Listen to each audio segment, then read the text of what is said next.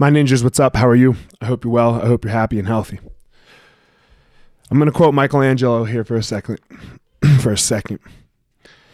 The greater danger of most of us lies not in setting our aim too high and falling short, but in setting our aim too low and achieving our mark. Don't aim low and don't aim low. Don't don't aim low and hit. Aim high and miss. And watch where you land up. Watch where you end up.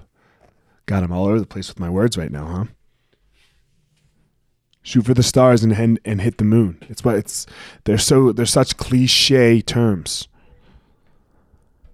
Why are we aiming low? Why do I aim low? I aim low because I because of fear. And like we talked about last week, fear is the cheapest room in the house. Our, our fear stops us.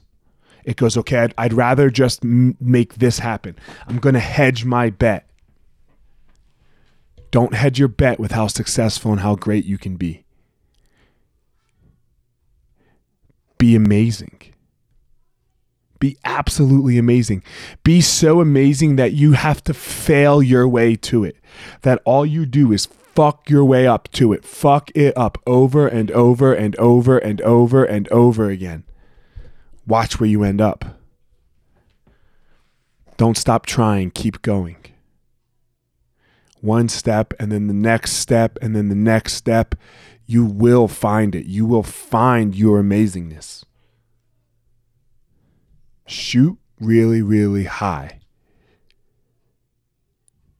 and miss. That's where you're going to find your power.